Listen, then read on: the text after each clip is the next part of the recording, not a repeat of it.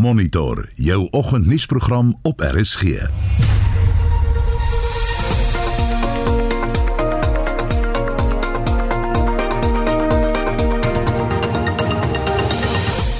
vanoggend se program, dit kan tot soveel as 'n miljard rand kos om die parlementsgebou te herstel. Ons praat met die argitek van die gebou.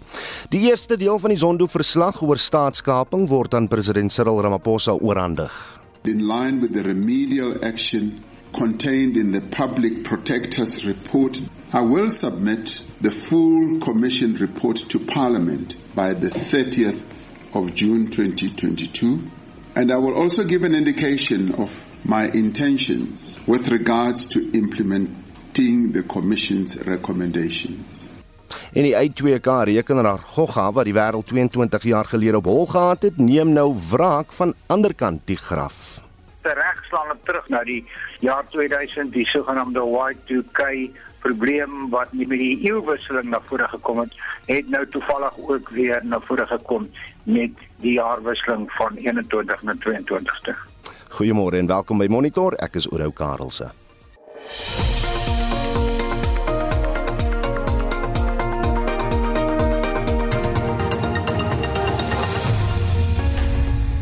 Presies 12 minute oor 7. Môre, welkom by die program. John Marie sit gereed met 'n nuus en sosiale media oorsig.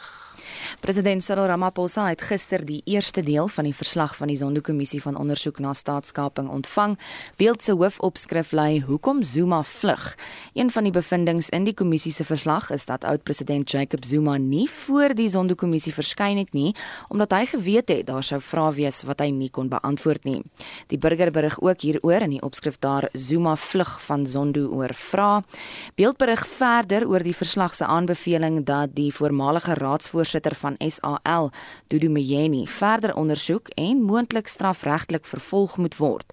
Een van Volksblad se voorblad stories handel ook oor Zondo se verslag. Die opskrif daar staat sal Zondo se aanbevelings uitvoer, verseker Cyril.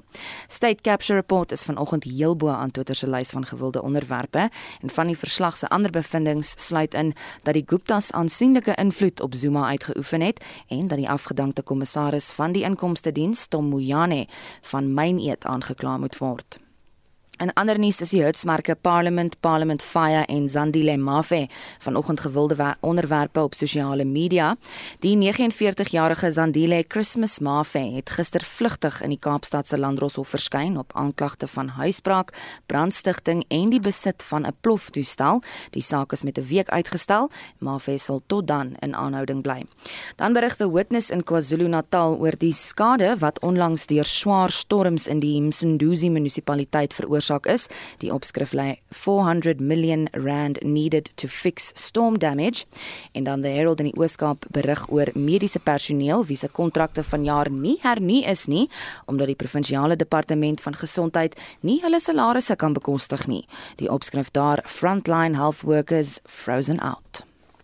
Jan Marie baie dankie dit aan ons uh, oorsig oor die nuus en sosiale media. Nou die aansoek om borgtog van die 49-jarige man wat daarvan beskuldig word dat hy die brand by die parlement gestig het, is aan die Kaapse Landdroshof tot Dinsdag volgende week uitgestel. Zandile Christmas Mafe is in hegtenis geneem nadat die brand Sondag uitgebreek het. Kantore is verwoes en plafonne het ineengestort. Annelien Moses doen berig. Die valke sê Mafe sal ingevolge die wet op nasionale sleutelpunte aangekla word. Die woordvoerder van die valke in die Wes-Kaap, Erik Ntabazalila, sê die beskuldigde moet op die aantuigings antwoord. Us as the state we want to charge him on schedule 5 because we feel that as part of uh, the destruction, especially that section that deals with the destruction of essential infrastructure, which is the key point, we feel that, in fact, the policy shows us, allows us to charge him under Schedule 5. The defense wants him to be charged under Schedule 1. Mafe se regsverteenwoordiger sê sy kliënt gaan onskuldig pleit. Mafe staan tereg op 5 aanklagte waaronder huisbraak en brandstigting. Talle brandbestryders het gespook om die brand te blus wat in die ou raadsaal begin en na die nasionale vergadering versprei het. Die brand het gister weer opgevlam, maar is onder beheer gebring. Kantore is verwoes en van die plafonne het ingetuimel.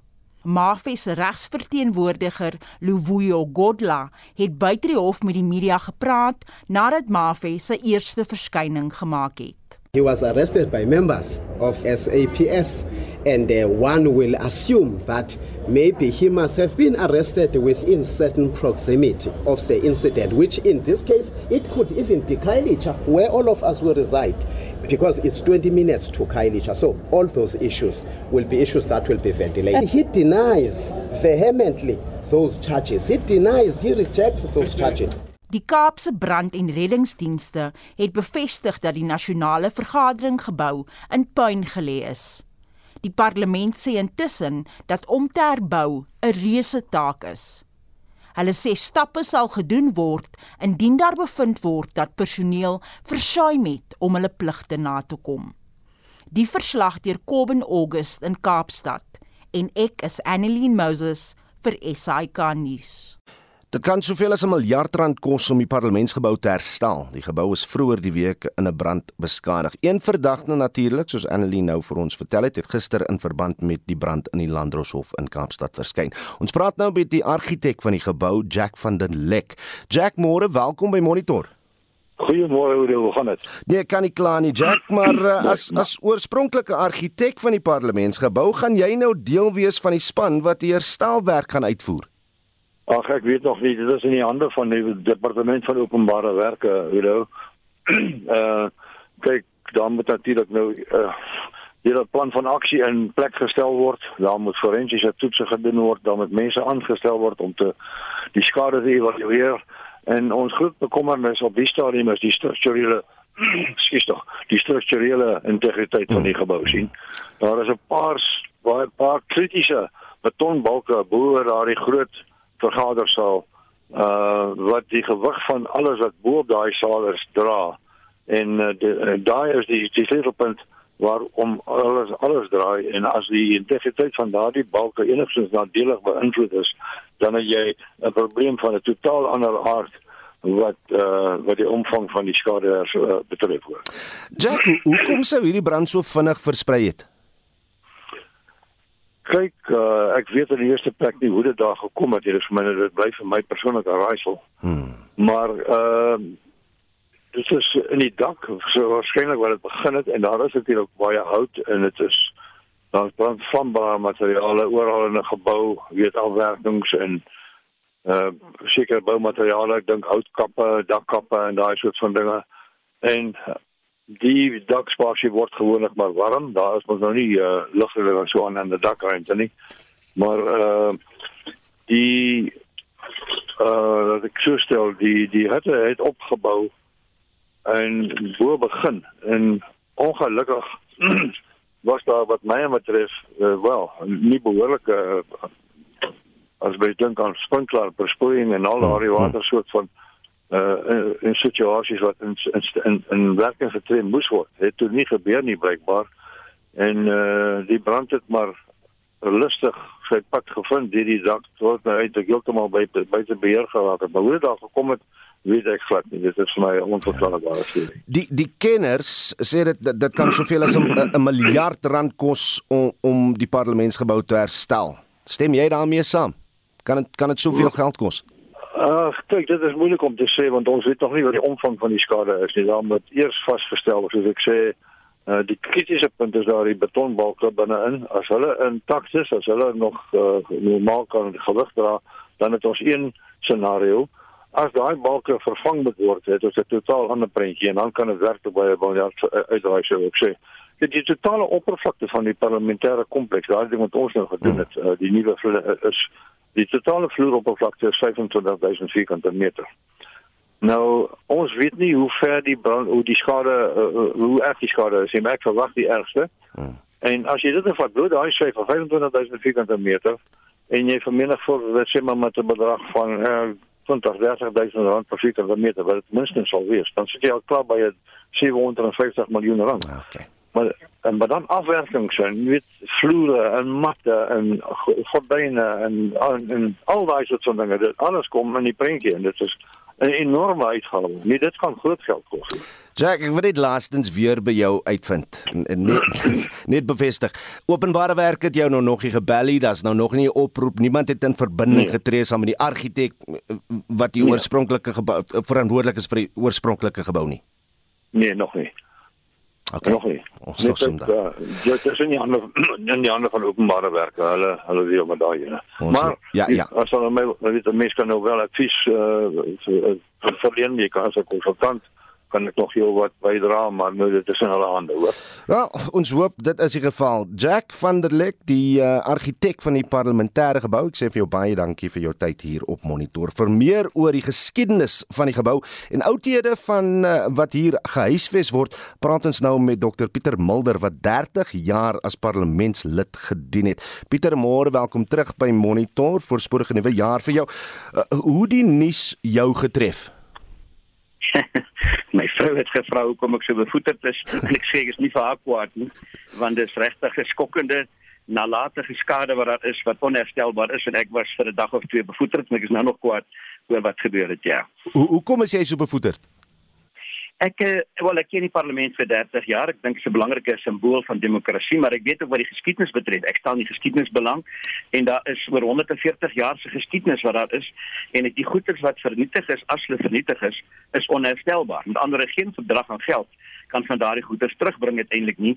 Uh, en dis jammer dat so iets verlore gaan en so maklik verlore gaan en verlore gaan wat ek oortuig is lyk my nou nalatigheid uiteindelik uh, want ek weet hoe werk die parlement se veiligheidsstelsels en al die goed en dit klink my dit was nie 'n plek nie ja. Uh, ons het nou in die nuus gehoor dat 'n uh, kunststuk soos die uh, Keiskamme tapisserie nie vernietig is nie, maar as jy nou dink aan die skade wat berokken is, daar waar die skade nou eintlik berokken is en en die kunststukke wat nou daar uitgewoes sou word. Dink net so aan 'n paar stukke miskien wat waarmee jy saam met ons kan praat wat wat miskien nou vernietig is. Nou kom ek sê ek kan 'n lang lys maak. Miskien moet ek een draai by die geboue net maak. Die argitek het nou gepraat. Ek het geluister na hom oor die geboue, maar hy praat oor die gebou, die derde gebou. Nou weet jy, die parlementêre kompleks bestaan uit drie geboue uiteindelik. En daarom moet mens dit elkeen afsonderlik moet kyk oor wat aan mekaar gekoppel is. Nou die eerste gebou is die ou Kaapse parlement. Nou hy is in 1884 geopen. So dis waar die lang geskiedenis vandaan kom en hy's gebou vir die Kaap daai tyd wat 'n eie parlementjie wou gehad het uh, as Britse kolonie. Uh, hy is gebou interessant op die Britse model, House of Commons, House of Lords met twee gedeeltes eintlik. Een kant was rooi geweest, rooi sitplekke, rooi matte, dis die Commons, die, die Lords. Ander kant was groen en dit is belangrik want die Heilige Raad van Provinsies vergader daar binne en die parlement se biblioteek is ook daar binne en dis pragtige uh, ou houtsoort van plekke. Dit klink my dit het oorleef as ek na die verslae hmm. kyk. Dit was die aangebore oorlog gekry eintlik waar die vier provinsies na die tyd bymekaar gekom het om dan nou die Unie van Suid-Afrika te vorm. Toe sou daar 'n geveg gewees waar moet die parlement wees Pretoria of Kaapstad? Toe sou Kaapstad besluit op die ou Kaapse parlement, maar hy was te klein geweest. Dus hebben Dijker gevra om 'n gedeelte aan te bou om almal te kan akkommodeer en dis die tweede gedeelte wat eintlik die ou volksraadsaal is, dis waar die grondwetlike vergadering gesit het toe ons grondwet geskryf het. As jy eintlik se kokerskamer daar, dit klink my daar's heel wat skade. Hmm. En dan die derde gedeelte, nie die 85 gebou en dis dan met die vir die drie kamer parlement en die nasionale die groot nasionale vergadering, klink my daar's baie baie skade. Nou hoekom ek steeds eers oor die skade kan praat voordat by die goeders kom. Uh weet die die vat nou die ou volksraadsaal is met stinkhout panele uitgevoer. Dis hout inheemse hout weerskante. Ek weet of dit maklik kan vervang. Mm, mm. Nasionale vergadering is met geen hout gedoen. Ook in inheemse hout. Die mat bevoor is spesiaal gewees. Onthou die ou geskiedenis sê hoe ver moet die parlementêre banke van mekaar wees in 'n ou Britse parlement. En die argument was die lengte van 'n arm plus 'n swaard plus 1 duim plus nog 'n swaard en nog 'n arm sodat die manne as hulle kwaad word nie by mekaar kan bykom nie. Nou vir die ou volksraad se banke is baie afstand. Die nasionale vergadering is groter, maar daar's 'n baan spesiaal geweef mat in die middel. Nou kan vaar die goed is waarskynlik alles daarmee. Wat waar is in die ou gedeelte was daar 'n museumpie. En dis waar die goed is waar ek moet bekommerd is. Kom ek vat 'n voorbeeld. Uh, ons het voel maanrots gekry by die Amerikaanse president en NASA aan Suid-Afrika geskenk het. Dis daar uitgestal. Ek weet nie of dit oorleef bevoel nie. Uh, Daar's 'n ou tannie wat gevoel het sy maak 'n bydrae vir die oorlog, Eerste en Tweede Wêreldoorlog. En haar bydrae was om 'n suurskrif die naam van elke soldaat wat dood is aan Suid-Afrika, swart soldaat, wit soldaat, yeah. in suurskrif te skryf. Nou die boeke daar gelê, hy word oopgemaak en hy's geblaai elke dag Ek weet nie of hy oorleef het uiteindelik nie. Skilderye, daar's 'n klop skilderye daar so bo. Jammer om jou in die rede te val. Tyd vang ons net so bietjie. Net so laaste vraag. Daar is nou weer sprake van 'n permanente verskywing van die parlementsgebou Tshwane toe. Hoe voel jy daaroor? En in 1994 was dit 'n baie besliste moontlikheid toe was daar geld en daar's alles. Ek is nie seker dit so maklik is meer nie. Daar is vir my plek in Tshwane nie nommer 1 en nommer 2 ek weet nie of jy geld het om te herstel nie. Onthou jy moet 'n nuwe parlement bou. Daar's 490 parlementslede praat van die Tweede Kamer ook wat behuising moet kry. Hulle woon nou in Acacia Park en die goed. So mense sal die som moet maak, finansiëel moet maak of dit moontlik is al dan nie. Ek dink dit gaan aansienlik moeiliker wees om dit nou te doen as wat dit moontlik was in daai tyd ja. Dit was Pieter Mulder wat 30 jaar as parlementslid gedien het. 26 minute oor 7 nou die Dr Richard Leakey, 'n paleoantropoloog en bewaringskundige van Kenia, Sondag in die ouderdom van 77 dood. Leakey is veral bekend vir die ontdekking van antieke skedels en skelette wat in die 1980s bygedra het tot die oortuiging dat Afrika die wieg van die mensdom is. Hy was ook 'n voorstander en in die stryd teen wildstropery en wildhandel. Vir meer oor Leakey se nalatenskap praat ons nou met die senior kurator van versamelings by Wits Universiteit, Dr Dr Bernard Sipfel. Dok, welkom by Monitor. Jy het 'n paar keer al vir Lietjie ontmoet. Hoe sou jy hom beskryf? Haai, goeiemôre Udo. Ehm um, ja, eh, ek ek het hom nou nie persoonlik geken nie, maar ehm um, in beide Oos-Afrika en hier in Suid-Afrika ontmoet en hy was altyd vriendelik, maar hy was soos mense sal sê 'n no-nonsense persoon. Hmm. Jy het nie ehm um, baie mooi braakie praatjies gemaak nie, dit was besigheid, maar altyd vriendelik en uh, baie interessant om altyd 'n gesprek met hom te hê. Die die ontdekking van die Turkana boy in 1984 was een van sy grootste bydraes tot die wetenskap. Hoekom was hierdie ontdekking so belangrik? Wel, ehm um, nommer 1, dis baie min dat ons volledige skelette vind. En hierdie was omtrent 'n uh, 'n uh, ehm um, 'n uh, uh, volledige skelet en ook van die vroeë Homo uh ehm um, uh um, genus uh erectus uh wat omtrent 1.6 miljoen jaar oud is. So uh dit dit was hoekom dit so belangrik was. Dit was um, een een van die baie min volledige skelette wat ons het. As ons nou kyk op die huidige stadium in die wêreld, is daar seker omtrent 10 semi uh volledige skelette en van daardie is 6 hier in Suid-Afrika. Hmm. Soos met die meeste wetenskaplike dissiplines het Lietjie se werk ook kritiek ontlok. Jy was selfkrities oor van sy werk. Vertel net so 'n bietjie meer daaroor. Ja, ag ek ek dink dit is een van hierdie goed waar mense seker nooit uh, die hele ware sal verstaan nie, maar soos alle mense wat reuse is in enige bedryf, ehm um, is daar die wat uh, diegene wat gehou het van wat hy doen en die wat ehm um, wat uh, ook nie so baie daarvan gehou het nie. Hy kom van 'n baie kontroversiële familie. Dit het al baie vroeg begin toe hy 4 jaar oud was en sy eerste fossiel gevind het in in Tanzanië. Hmm. Waar sy ouers dit onmiddellik van hom weggeneem het en hy na die kant toe gestamp is. En ek dink dit het dit het by hom gebly al die jare en ehm um, en ja uh, uh, hy was betrokke in omtrent alles gewees in in in die wildsbedryf in politiek en in paleoantropologie. Ek dink die groot prentjie wys dat hy eintlik baie goeie werk gedoen het. Mm. maar daar is die wat sê uh, baie van sy werk het ook uh, net gehandel oor geld. Hy was baie goed met geld insamel en het altyd nuwe projekte gevind om daardie geld te spandeer Ehm um, daar is ook ehm um, baie kontroversiële stories geskryf oor hom ehm um, beide in sy politiek en in sy wetenskap. Hy het natuurlik geen formele universiteit hmm. ehm um, 'n uh, uh, graad gehad of of enige suits nie. Uh soos hy gesê het, uh, I don't have any formal university qualification but I do lecture at universities. Ehm um, wat natuurlik vir my 'n baie positiewe ding is dat mens kan sien dat formele ehm um, education is nie noodwendig die be all and end all nie. Dat daar mense is wat wel 'n groot bydrae kan maak sonder dit. En dit natuurlik lok uit die wat baie jare gestudeer het, hulle doktorsgrade het, professors by universiteite het wat voel nee. Iemand kan nie so baie so baie wetenskaplike uh, kudos kry onder daardie omstandighede nie. Uh dis natuurlik iets waarmee ek nie saamstem nie. En ehm um, dit is, is wat dit is, maar hy was op die ou einde 'n professor by Stony Brook uh, Universiteit. En dit was die senior kurator van versamelings by Wits Universiteit Dr Bernard Zipfel.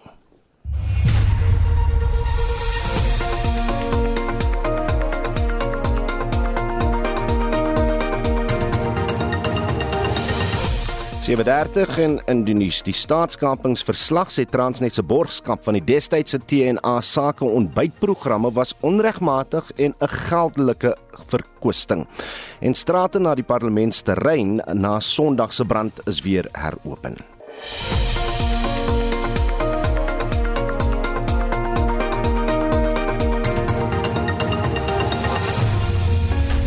732 welkom by Monitor Oudo Karelse is die naam. Die James Webb ruimteteleskoop wat deur die Amerikaanse ruimteagentskap NASA gebou is, is op Kersdag gelanseer.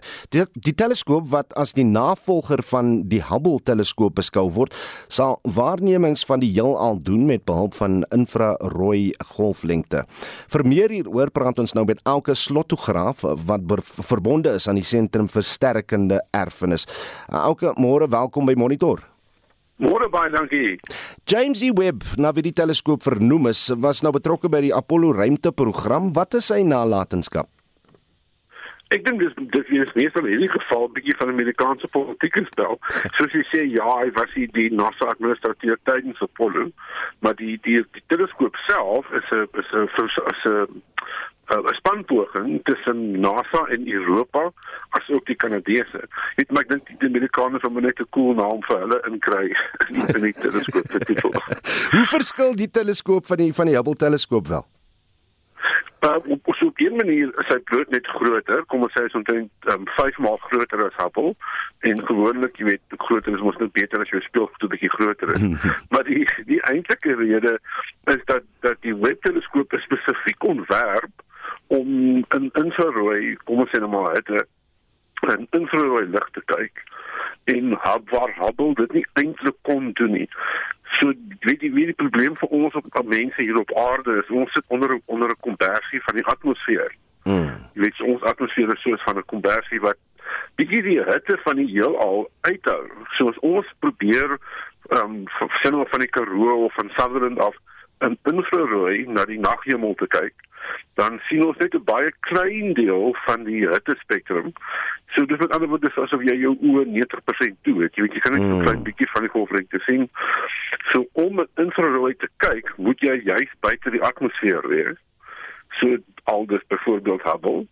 Maar nou omdat mense weet ek en jy omdat ons oë in kleure werk van sien om rooi tot blou die sigbare deel van die spektrum hou ons nogal daarvan om foto's en en en waarnemings te doen in sigbare lig. Ja. Maar die spektrum is baie breër as net dit.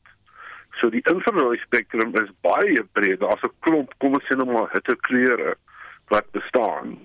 En Hubble kon net 'n klein deeltjie van daai kleurspektrum sien. Webb gaan 'n baie breër gedeelte van die infrarooi spektrum kan sien. Uh, is dit hoekom hierdie sonskerm wat nou 7 dae gelede ontvou het of, of ontvou is, is dit hoekom hy die grootte van 'n tennisbaan is? Ja, dis hy, jy weet die die die probleem verder nou is dat jou as jy na hitte wil kyk, as jy net iets wil kyk wat infrarooi uitgee, dan is die ding waarmee jy kyk, hmm. weet jou oog of jou kamera, daai ding self mag nie warm wees nie anders gaan jy jouself mos nou sien. Hmm. Dit want die die die apparaat kyk vir vir infrarooi golflengtes. So die jou jou kamera of jou ja, jou hele toerusting moet minus 220 grade Celsius hê. Jy weet dis kouer as op Sutherland in die winter. So jy moet jy moet op 'n manier moet jy 'n groot teleskoop maak met batterye in krag en en en 'n rekenaarkomponente in goed. Maar alles moet minus 220 wees. Ja, so wat hulle dis jy's wat hulle dan nou doen, is hulle hulle gaan nou so die plan is of die wat hulle nou uitgevoer het, ja. is om die teleskoop in die ruimte te sit waar dit bitterkoud is, minus 270. Dit is dis die buite temperatuur. Ja. En dan is die enigste bron van hitte daar buite is maar eintlik dan nou die son En as jy nou mooi dink, dis ook die aarde, want die aarde weer kaats bietjie sonlig en maak goed daarom 'n bietjie warmer. So nou sit hulle groot skerm op. Dis net soos jy wat wat in die nag rondloop en jy hou jou hand uit voor jou okay. voor 'n helder straatlig. Dit so blok die son en die maan en die aarde se lig sodat die teleskoop self, sy spieëls en sy kameras kan ijskoud wees. Ek verstaan. Dit was Auke Slotograaf van die Sentrum vir Sterkende Erfenis. Die konstitusionele hof uh het beslis dat vroue in langtermynverhoudings het die reg om te erf en onderhoud van hul lewensmaats se uh, boedels te eis nadat hulle gesterf het. Die uitspraak word as 'n oorwinning in die stryd om die erfreg van lewensmaats beskou. Die hof het ook beslis dele van die wet op onderhoud van langslewende gades en die wet op intestate erfopvolging is ongrondwetlik. Ons praat nou met die privaat regkenner aan die Universiteit van Pretoria, professor Brigitte Kuske. Prof, welkom by Monitor Monitor. Goeiemôre Oude, goeiemôre luisteraars en baie dankie. Hoe belangrik is hierdie uitspraak? Oude, die die uitspraak is lank verwag. Ons ons is um, nogal met met sien uit daarna um, om nou uiteindelik regsekerheid te kry. So hierdie uitspraak het vir ons nog 'n stapie nader gebring aan regsekerheid.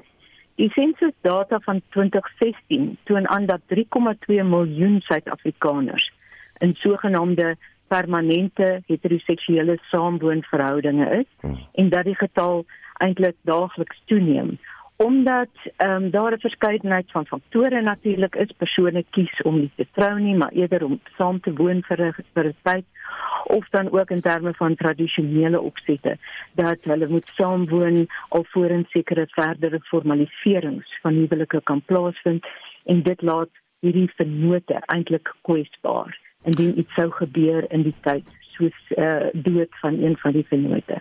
Nou, volgens die reg beskryf net vir ons wat kan uh, as 'n permanente lewensverhouding uh, beskou word. Dit is eintlik die grootste uitdaging uh, wat wat voor die parlement geplaas gaan word. Net om kortliks te sê die uitkoms van die konstitusionele hof se uitspraak is dat die saak na die parlement verwys word en dat wetgewing binne 18 maande uitgevaardig moet word wat hierdie situasie bylê onder andere om die definisies van die woord survivor mm -hmm. wat langslewende beteken spels dit is gade en marriage huwelik uit te brei om ook dan hierdie permanente lewensverhoudinge in te sluit nou wat permanentie betref is natuurlik 'n oop saak mm. ons het egter 'n bietjie leiding van die uitspraak wat gegee is in 1999 in die National Coalition for Gay and Lesbian Equality versus Minister of Justice voordat ons nou uh dieselfde geslag huwelike erken het. Um is daar reeds 'n aantal faktore uitgelig en ek kan nou net kortliks lys. Um waarna howe sal kyk is na die feite van elke geval.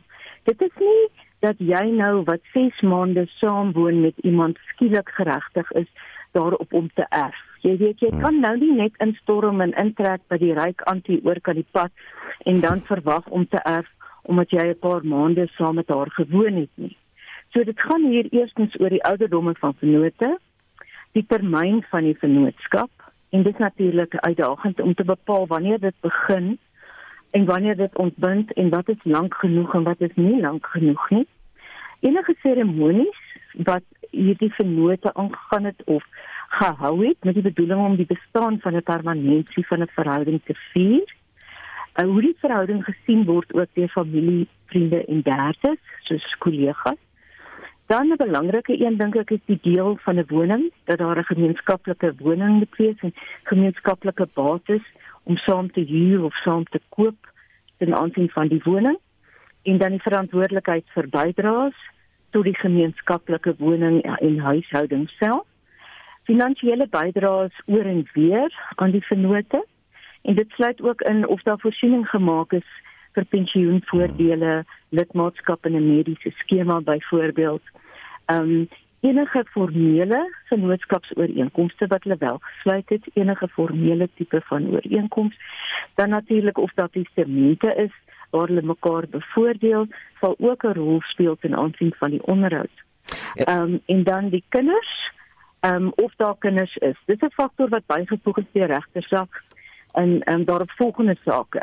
Um, as as die vennote kinders deel bring dit natuurlik 'n groter staat van permanensie in. En net so laaste so dit is 'n aantal faktore. Birgit net so laaste vragie as as dan nou nog nie 'n huwelik is nie, as daar daar 'n verloving uh, uh, is tussen twee mense, hoe gekompliseerd maak hierdie situasie uh, uh, uh die die die finale uh, uh, uh, regte van die mense wat wat in die situasie is. Nou eerstens erken ons verlovingsooreenkomste as kontrakte al volgens die gemeenereg en daar is sekere gevolge wat van regsvee af inskop sou 'n verloving nou beëindig word. Ehm um, in hierdie geval van Boanya versus the Master was die partye inderdaad verloof maar vir 'n baie kort termyn. Eintlik was hulle hele verhouding relatief kort. Um, hulle het in 2014 ontmoet en saam ingetrek in in 2015 November 2015 is hulle verloof en het beplan om lobola te betaal. Hulle het beplan om saam kinders te hê en 'n lewe saam te hê. Maar voordat hulle kon reis na haar familie in Zimbabwe om die lobola te onderhandel, is die ehm um, man oorlede. Hmm. En daaroor was dit maar van 2014 tot 2016. Hy het dus einde November 2015 gevra om verloof te raak en in April 2016 is hy oorlede. So dit was baie kort verloving. Hmm.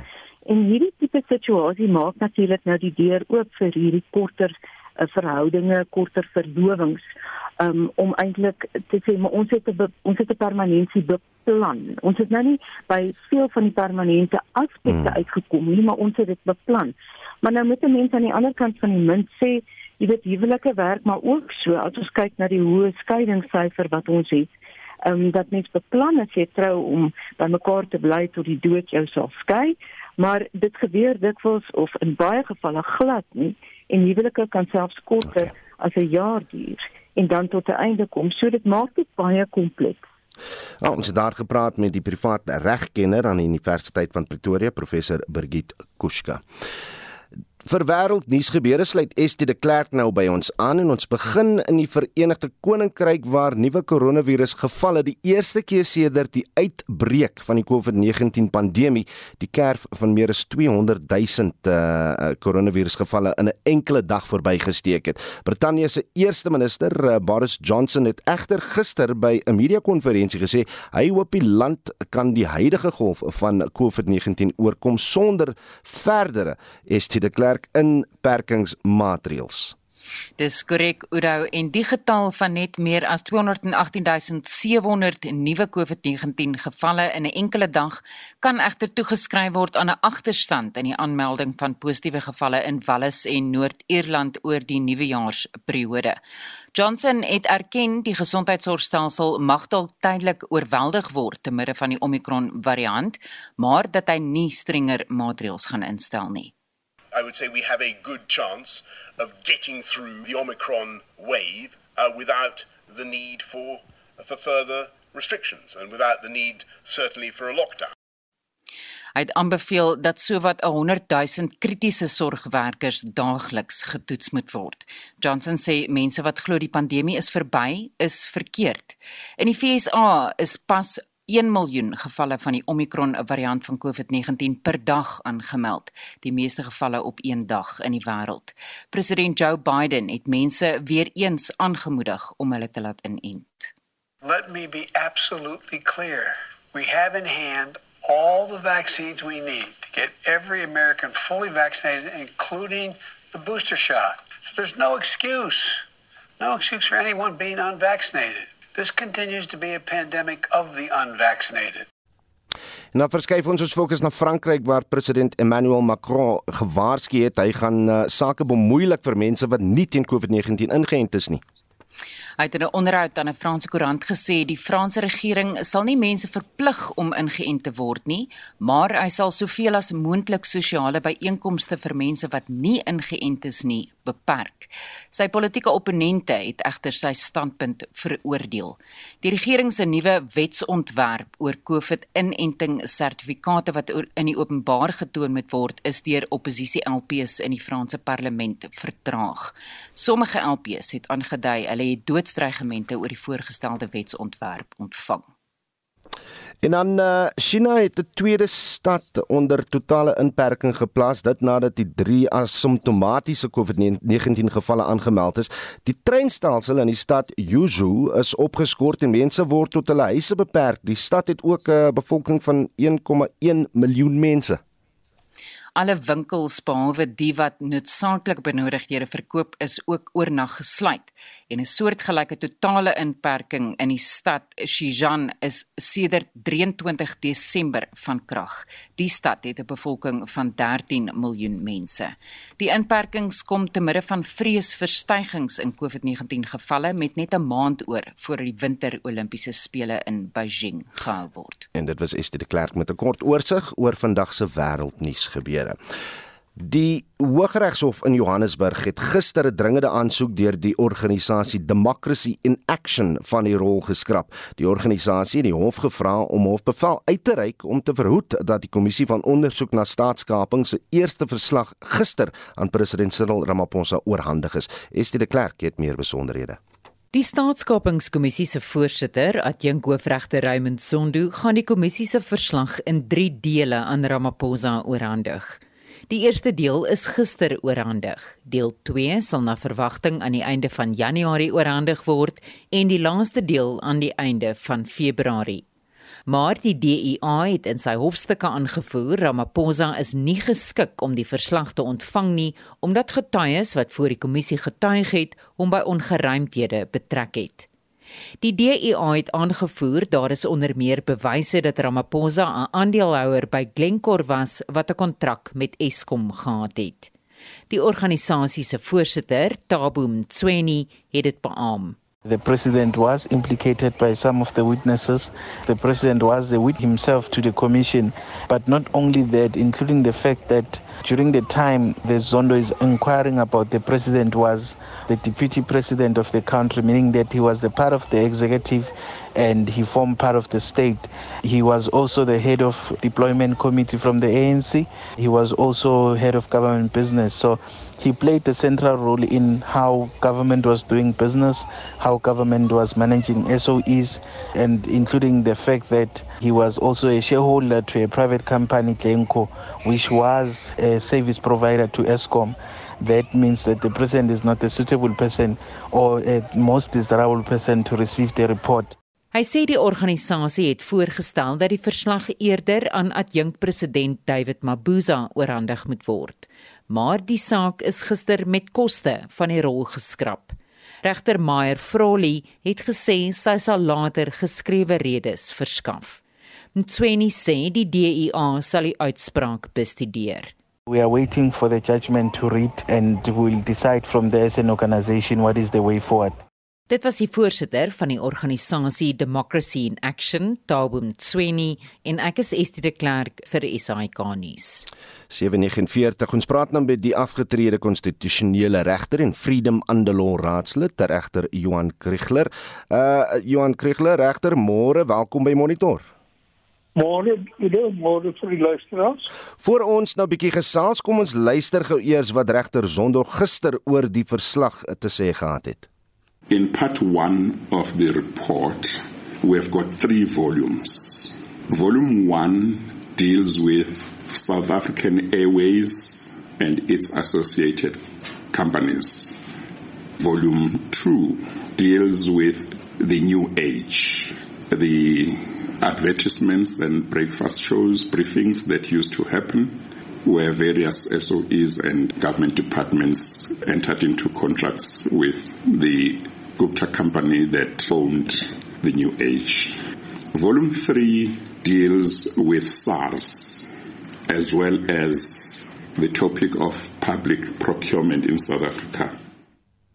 En dat dan uh, die regter uh, Zondo en regter Kriegler dra die Democracy in Action organisasie se dringende aansoek wat die verslag nie aan die president Ramaphosa aan president Ramaphosa oorhandig moet word nie enigsins water nou dat hy wel in die hande van die president is?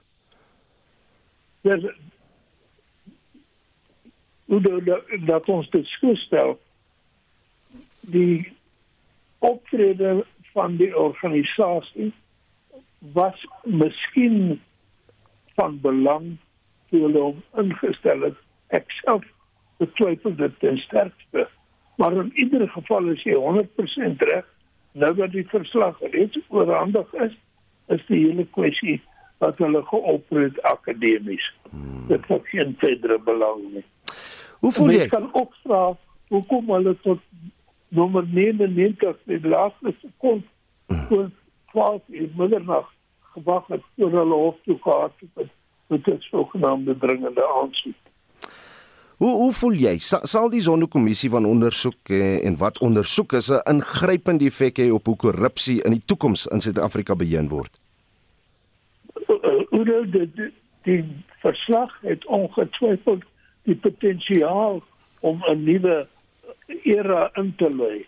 Dit sal afhang van hoe die owerheid en die samelewing en ek en die luisteraars en die ander Sunny Burger die verslag gebruik. Daar's baie inligting daarin. Dit die inligting in sigself lê nêrens heen nie. Mens moet reageer daarop. 'n Mens moet dit in werking stel. Dit is nou wat op ons spyskaart is vir die eerste paar maande van hierdie jaar. Te kyk wat sê die verslag, dit te beoordeel en waar nodig in werking te stel. Hierdie eerste seksie wat deur die president uh, skap uh, met, met die publiek gedeel is, hy's nou uh, net so rapsie oor uh, 800 bladsye. Ek ek verstaan is amper 9 miljoen bladsye wat vrygestel gaan word. Ek het sekere van die grepe uit die verslag gelees. Mense soos Mzwanele Manyi, Dudu Mjeni, Tom Moyani word erg gekap en duidelik beskryf as mense wat korrupsie gefasiliteer het. Daar waar sulke mense regter nog werksaam is binne die staat, wat moet op die kort termyn met hulle gebeur? Op die kort termyn moet iedereen wat onder verdenking staan op getuienis wat die kommissie aanwys, eerder geskort word eh, en en sekerlik verwyder word van 'n posisie waar verdere skade gedoen kan word of waar getuienis dat betrekking tot optrede in die verlede dalk verdoesel kan word. Verwag jy dat daar vervolgings gaan wees van talle mense want as dit gebeur skep dit die die die geleentheid vir Suid-Afrika om 'n nuwe koers in te slaan. Dis presies die punt. Hoe doel doelgerig en bekwam ons optree om vermeende boosdoeners aan die punt te laat ry sal bepaal of ons inderdaad 'n nuwe rigting inslaan. Dit is die verslag in sigself is bloot skep bloot die moontlikheid vir 'n nuwe daaraad. Of daar inderdaad so 'n nuwe daaraad kom, sal afhang van hoe die regering optree met betrekking daartoe. Maar in besonder die nasionale vervolgingsgesag. En net so 'n laaste minuut regter Kriegler. Ons president het nou die regte ding gedoen om die om die verslag met ons as die publiek van Suid-Afrika te deel. Wat is jou verwagting van hom oor die volgende paar dae of so? Nee, ek, ek kan nie daaroor bespreek nie.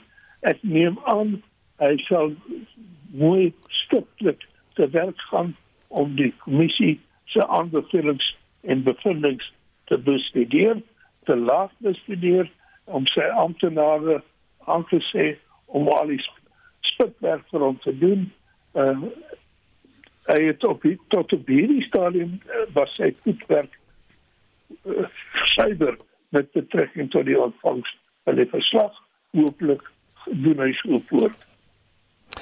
En daar sê jy ons het nou gepraat met die afgetrede konstitusionele regter en Freedom and the Law raadslid regter Johan Kriegler.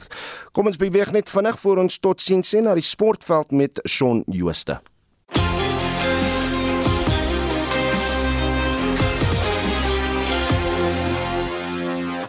En vanoggend se bydra, Indië beklei terug op dag 2 vir die tweede toets teen die Proteas. Die vierde toets in die reeks om die as tussen Australië en Engeland het begin en Hendrik laat gaan vaar goed by die Dakar tydren.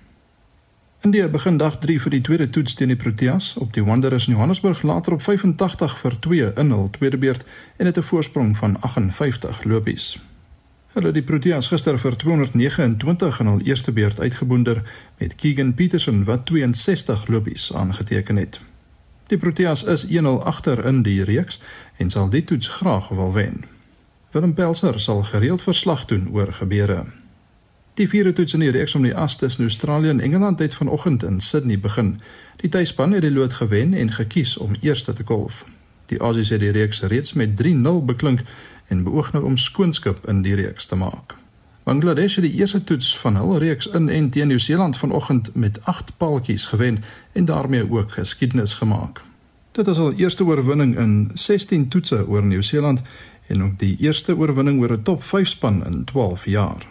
Hulle het Nieu-Seeland vir 169 lopies in hul tweede beurt uitgeboonder en het 40 lopies vir die oorwinning gekort. Die snelbouler Ebodot Hussein was die speler van die toets. Op die motorsportfront is die derde skof van die 2022 Dakar tydren gister in Saudi-Arabië voltooi. Die Spanjaard Carlos Sainz het die skof in 2 uur 26 minute en 51 sekondes gewen. Suid-Afrika se Hendrik Lategan het uitstekend gevaar en was net 38 sekondes terug in die tweede plek. Sainz se spanmaat, die Fransman Stefan Petteransel, het derde geëindig. Nasser Al-Attiyah van Qatar bly die algehele voorloper en is byna 38 minute voor die Fransman Sebastian Loeb in die tweede plek en meer as 42 minute voor die Argentyn Lucio Alvarez in die derde plek.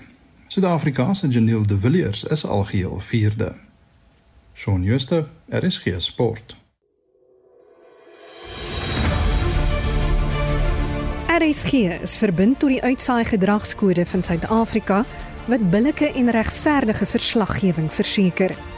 Indien jy van mening is dat RSG nie aan die gedragskode voldoen nie, rig geskrywe aan die Uitsaai Klagte Kommissie van Suid-Afrika by posbus 412365 Craighall Park, poskode 2024. Of stuur 'n e-pos na bccsa@nabsa.co.za. Besoek gerus hulle webtuiste by bccsa.co.za vir 'n afskrif van die uitsaai kode en riglyne vir klagtes.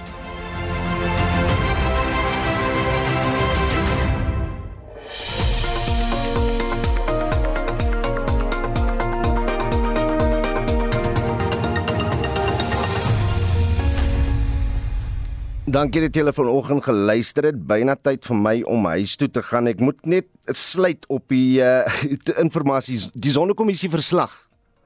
In sy totale omslag is 8 miljoen 600 000 bladsye lank. Stel jou net voor hoe lank dit gaan neem vir ons uh, owerhede om daarmee uh, te sit en dan nog vervolgings uh, te, op te bring. Dit gaan 'n moeilike en 'n lang, lang proses wees. Maar uh, program nou ten einde. Ek sê net dankie aan uh, ons uitvoerende regisseur Nicoline de Wee ons redakteur Hendrik Maten en natuurlik ons uh, produksieregisseur Johan Pieterse en van myself Udo Karelse. Ons is môreoggend weer op ons posie tussen 7 en 8 uur. Ek is net hierna direk na Wandres toe. En dit so bietjie van 'n voorloop 58 lopies. Ek het 'n gevoel ons gaan nog die einde van hierdie wedstryd vandag sien en as dit die geval is, as ek bevrees gaan hy reeks daarmee heen wees. Tot môre toe. Totsiens.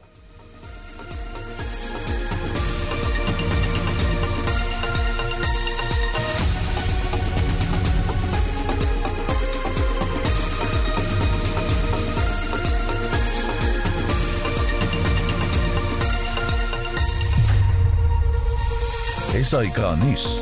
Onafhanklik, onpartydig.